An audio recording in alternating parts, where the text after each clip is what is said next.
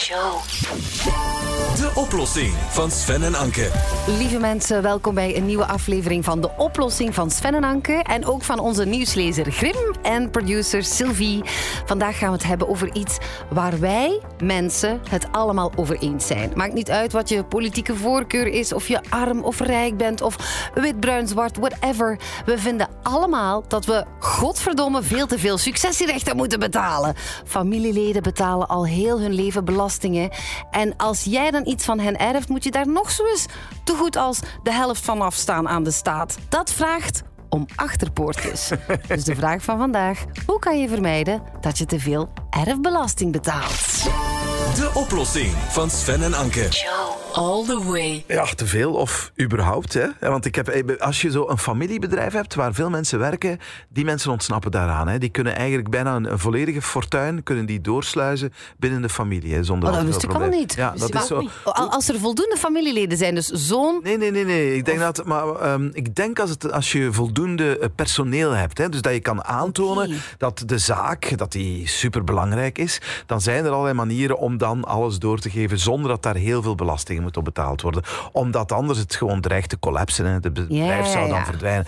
Maar dat is de, en veel mensen die eh, proberen al voor de dood van alles te arrangeren. Hè. Want dat helpt ook hè, als je al op voorhand al dingen verdeelt. Dat denk ik dat je daar zo'n soort van, wat is het, schenkingsrecht op betaalt. Ja. Maar hoeveel, dat weet ik nu Oh, ik ben daar ook allemaal zo eh, niet van op de hoogte.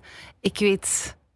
Ja, ach, nu ga ik een beetje opbiechten, hè. Ja, Het is heel persoonlijk allemaal, hè. Ja. Maar eh, ja, mijn ouders, ik ben enig kind. ja. Dus mijn ouders zijn daar ook, hebben heel hard gewerkt, hun hele leven lang, hebben iets moois opgebouwd. En ik weet dat ik af en toe eens mijn handtekening onder iets moet Oh, zetten. waar? Ja, zijn ze al een beetje maar aan ja, het, ja, eh, natuurlijk. ja, Ja, ja, ja, natuurlijk. ja. Mijn ouders wonen bijvoorbeeld nu in een appartement in Hasselt.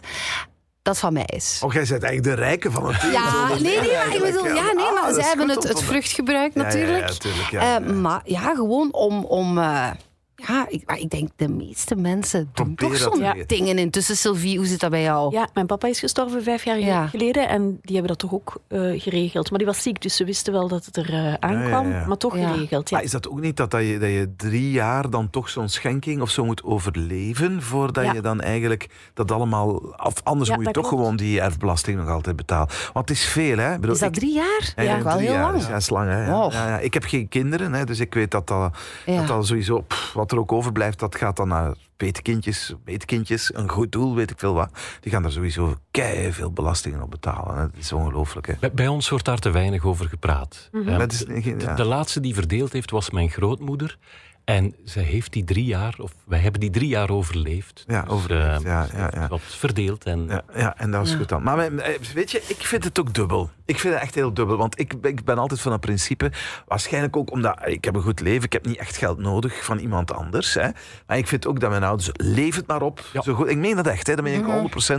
Leef zo, zo hard mogelijk als je kan. Wil je op restaurant gaan, ga op restaurant. Wil je op reis gaan, ga op reis. En als zij er dus beginnen over te praten, want ik heb één broer die kinderen wel heeft. En als ze beginnen over te praten, misschien moet je toch eens een keer kijken. Eh, ze hebben niet zo ontzettend veel, maar het huis misschien ooit op een naam zetten, op jullie naam zetten. Dan, ben ik, dan sta ik op de rem.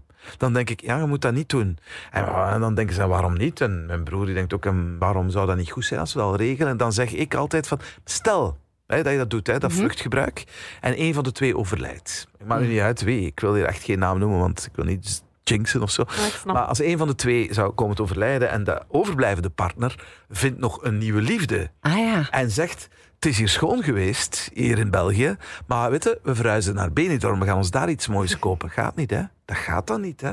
Want ze hebben het vruchtgebruik op het huis waar ze nu wonen. Ja, ja. Dat kan allemaal niet. En ik wil dat die mensen een Goh. vrijheid 100% kunnen houden. Het is noods om het met die nieuwe liefde op te gaan souperen aan de paella en de stellakjes daar in Benidorm. Ja. Dat is zo, ja, dat is, Ja, maar ik snap dat het jij zo denkt. Je hebt zelf ook goed geboerd, dus je hebt helemaal niks nodig. En het is super fijn dat je je ouders de beste oude dag toewenst die ze zich maar kunnen Maar zij inbeelden. hebben ervoor gewerkt, hè? Maar- niet ik, hè? Ik Zij, weet hè? het. Ja. Maar ik zie mezelf, ik ben nu ook mama.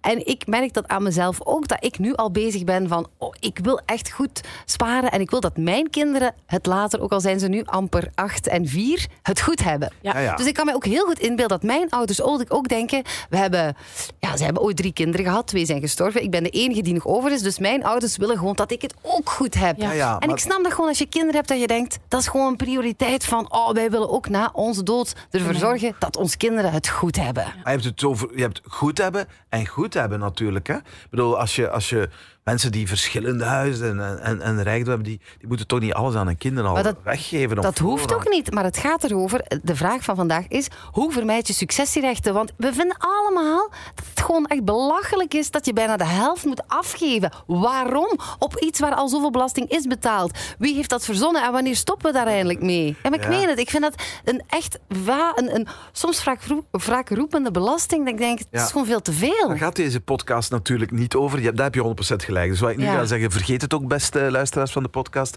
is niet zo belangrijk in deze, dat wordt een andere discussie. Maar je weet wat de reden daarvoor is. Hè?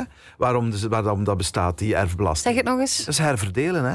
Anders zitten we in een maatschappij ja, maar nee, waar mensen zo generatie Rijk, op rijk. generatie rijker en rijker worden en rijker, de armen worden armer. En dit is een soort van belasting om het allemaal een klein beetje uit te smeren over iedereen. Om daarmee scholen te betalen, om daarmee wegen te betalen. Om daarmee... Ik wil niet zeggen, Ja, maar- ik sta er ook niet voor te springen, maar ik vind het ook wel in, in het idee ook, ook absurd dat omdat je toevallig uit een generatie, generatie, generatie rijke mensen komt, dat het dan ook maar normaal is dat, dat alles je in je schoot wordt geworpen. vind ik ook wel ergens absurd. Ja, maar en bij hele rijke mensen die gaan die successierechten toch minder voelen, het afgeven daarvan, dan iemand die niet zoveel geld heeft en die dan eindelijk, oh godtekes, misschien eens wat rijkdom kan vergaren en daar dan ook weer zoveel op moet betalen.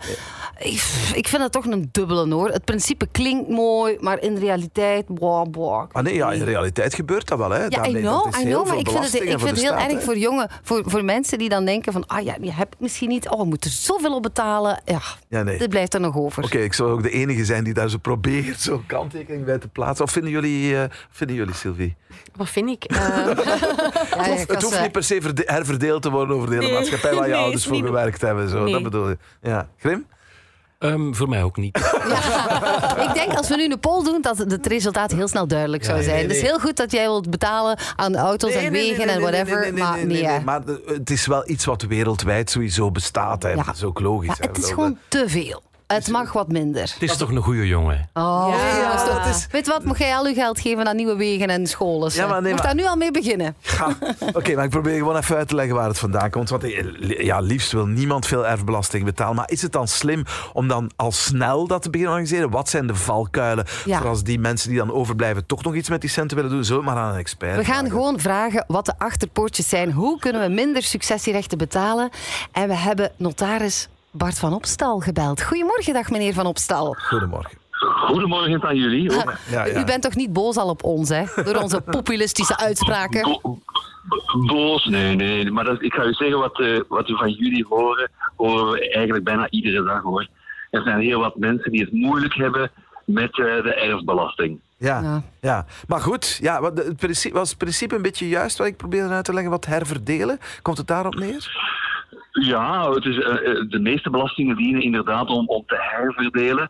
Maar eh, wat je specifiek hebt bij erfbelasting, dat is dat heel wat mensen zeggen: ja, maar we hebben daar nu heel ons leven voor gewerkt.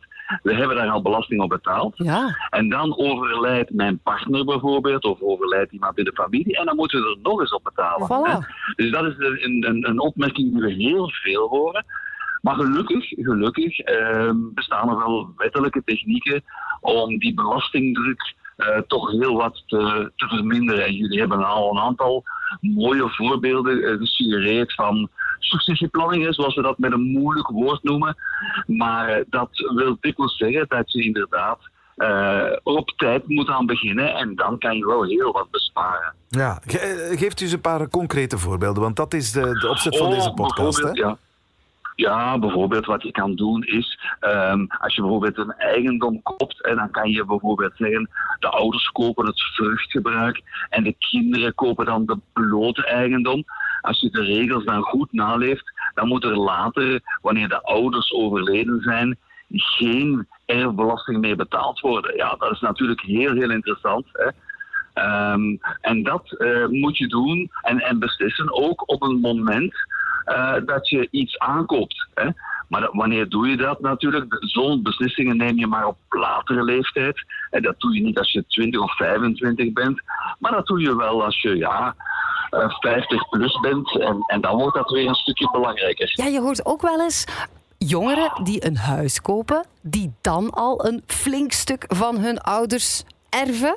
Ehm, hè, sommige mensen vinden dat een beetje raar. Zo van, ja, nee, ze moeten er eerst zelf voor werken. Maar raad jij dat wel aan? Dat als mensen het kunnen, dat ze gewoon hun jongeren, hun zoon of dochter al helpen met het kopen van een huis en dan eigenlijk al een flink stuk van de erfenis geven op dat moment? Goh, jammer genoeg is dat vandaag de dag in heel veel gevallen een realiteit. Hè. Ja. Je weet dat eigendommen de laatste jaren behoorlijk duur geworden zijn.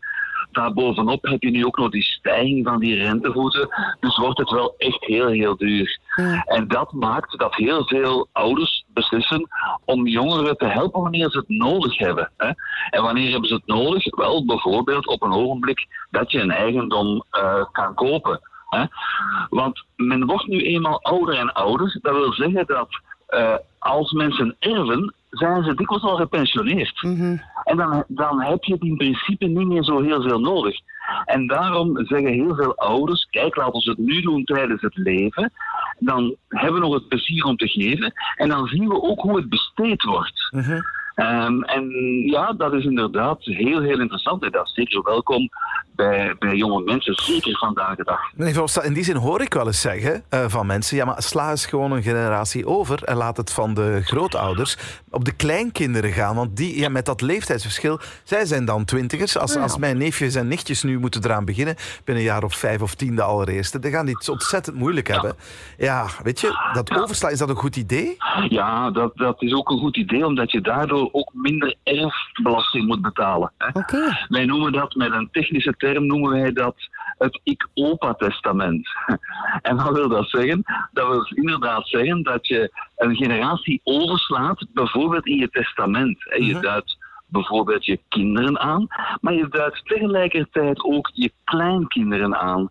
En dat maakt eh, dat je minder snel in een hoog tarief valt van de erfbelasting. En dat is een, een, een, een hele goede techniek ehm, om enerzijds ehm, ook jongere mensen, zoals kleinkinderen meestal wel zijn, wat te helpen, maar ook een goede techniek om minder erfbelasting te moeten betalen. Oh, dat vind ik wel een goeie, want dat wist ik dus eigenlijk niet, dat dat, dat minder erfbelasting was voor kleinkinderen. Maar bijvoorbeeld, hè, kan, het ook gewoon, kan je ook gewoon schenkingen doen, zo drie keer per jaar een paar duizend euro versluizen van eh, de rekening van je ouders naar jouw ouders. Kan dat zonder gepakt te worden? Of, of eh, vlooien ze Je dat mag- toch je uit? doen. Als je daar niet over praat in een podcast... Oh, oh, hè, hoe, pakken we dat het best aan, eh, meneer de notaris? Ja, je mag, je mag dat doen, maar ehm, je moet dan altijd wel rekening houden met die termijn van drie jaar, zoals jullie dat net heel goed zeiden. Ehm, we, we zeiden dat we een schenking kunnen doen, maar als je dat doet zonder schenkbelasting te betalen, dan loopt er een termijn van drie jaar. Hè? Als er eh, wel schenkbelasting betaald wordt, dan loopt die termijn van drie jaar niet. Oké, oké, Dus dat is ook wel een interessant alternatief. Eh, als je zegt, ja, maar die drie jaar eh, lijkt mij echt niet goed. ehm, dan, ehm, dan kan je natuurlijk zeggen, kijk, laten we eens een schenkbelasting betalen. Die in heel wat gevallen toch wat goedkoper is. Ja, en dan is dat ook weer geregeld. Maar hoeveel is dat dan, zo'n schenkbelasting? Hoeveel procent? Wel, de schenkbelasting, als je die bijvoorbeeld gaat over roerende goederen, bijvoorbeeld gelden die je wilt schenken aan de kinderen of aan de kleinkinderen, en je wil je belasting daarop betalen, dan, bet- dan moet je 3% betalen. Ja. En de meeste mensen vinden dat nog wel redelijk. Ja. hè. Ja, ja, ja, dat is ook zo. Als je ja, weet, ja. ja, als je weet dat bijvoorbeeld als je dat niet doet en je valt in een hoge schijf, ja, dan, dan betaal je al gemakkelijk 27 procent. Ja, Oh, jong. Ja, ja, dat is Ja, maar, maar vanaf wanneer is Dus het dat is dan... een mooie besparing. Vanaf wanneer kan je spreken over ehm, schenkbelasting in die zin van... Ik kan ook zeggen, ja, maar mijn ouders geven me elk jaar 2000 euro voor mijn verjaardag. Snap je? Dat is dan toch geen schenkbelasting ja, waard? maar inderdaad, de gebruikelijke schenkingen die je doet bij, bij een verjaardag of bij, bij nieuwjaar, ehm, dat, zijn, dat zijn schenkingen. Ik krijg geen 2000 euro. Nee, ik, maar, eh, maar nee, maar voor alle duidelijkheid, ik ook niet. Maar ik wil het gewoon weten voor de luisteraars. Vanaf wanneer Ja, vinden ze het een schenking? Ja, ja. Dat wil ik weten. Vanaf welk bedrag is Dat? daar is niet echt een wettelijke norm. Hè. Ehm, de, de fiscus zal dat eh, appreciëren. Hè. Dus als je bijvoorbeeld ziet dat je een, een storting krijgt die redelijk is, redelijk ook met de omstandigheden. Hè. Eh, Soms voor, voor, voor een schenking iemand die 500 euro geeft, is dat al een hele pak. Maar als iemand eh 5000 geeft, kan het ook een heel pak zijn. Dus met andere woorden, daar is eigenlijk geen echte wettelijke norm daarvoor. Ja, ja. Nee, maar nee, je van- moet daar wel mee opletten. Ja. Ja. Meneer Van Opstal, wat ik daarnet, u hebt het ook gehoord, mijn voorbeeld. Stel, mijn ouders die, eh, die, eh, die, schenken, die schenken het huis. Hè. Eh, zij houden het vruchtgebruik, want dat is wel iets wat vaker gebeurt. Maar een van de twee overlijdt en wil dan toch nog iets gaan kopen, weet ik veel, in Benidorm. Ja. dat, dat kan dan niet meer, hè? Nee, dat klopt. Hè. Dus dat, dat is altijd de keerzijde van de medaille. Als je, als je wil schenken, ehm, dan, dan, eh, Dan is ben je natuurlijk geen baas meer. Ja. Hè? Eh, en in, in dat geval moet je, eh, moet je kijken eh, of, of dat wel opweegt tegen de fiscale voordelen. Ja, het is, je staat het dan inderdaad al af. Hè, en, ja, en je weet nooit hoe het leven loopt en waar je het nog nodig kan hebben. Moeten we ook ermee. Maar goed, we hebben wel heel wat bijgeleerd. het witte envelopje, handje contantje, kan ook eigenlijk, hè, meneer de notaris. Ja, dat, dat kan je inderdaad wel, eh, wel doen. Hè.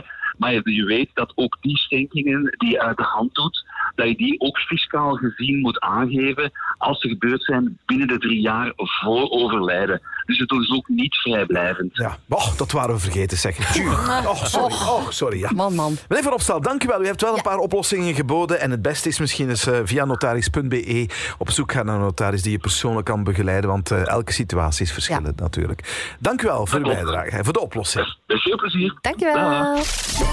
De oplossing van Sven en Anke. All the way.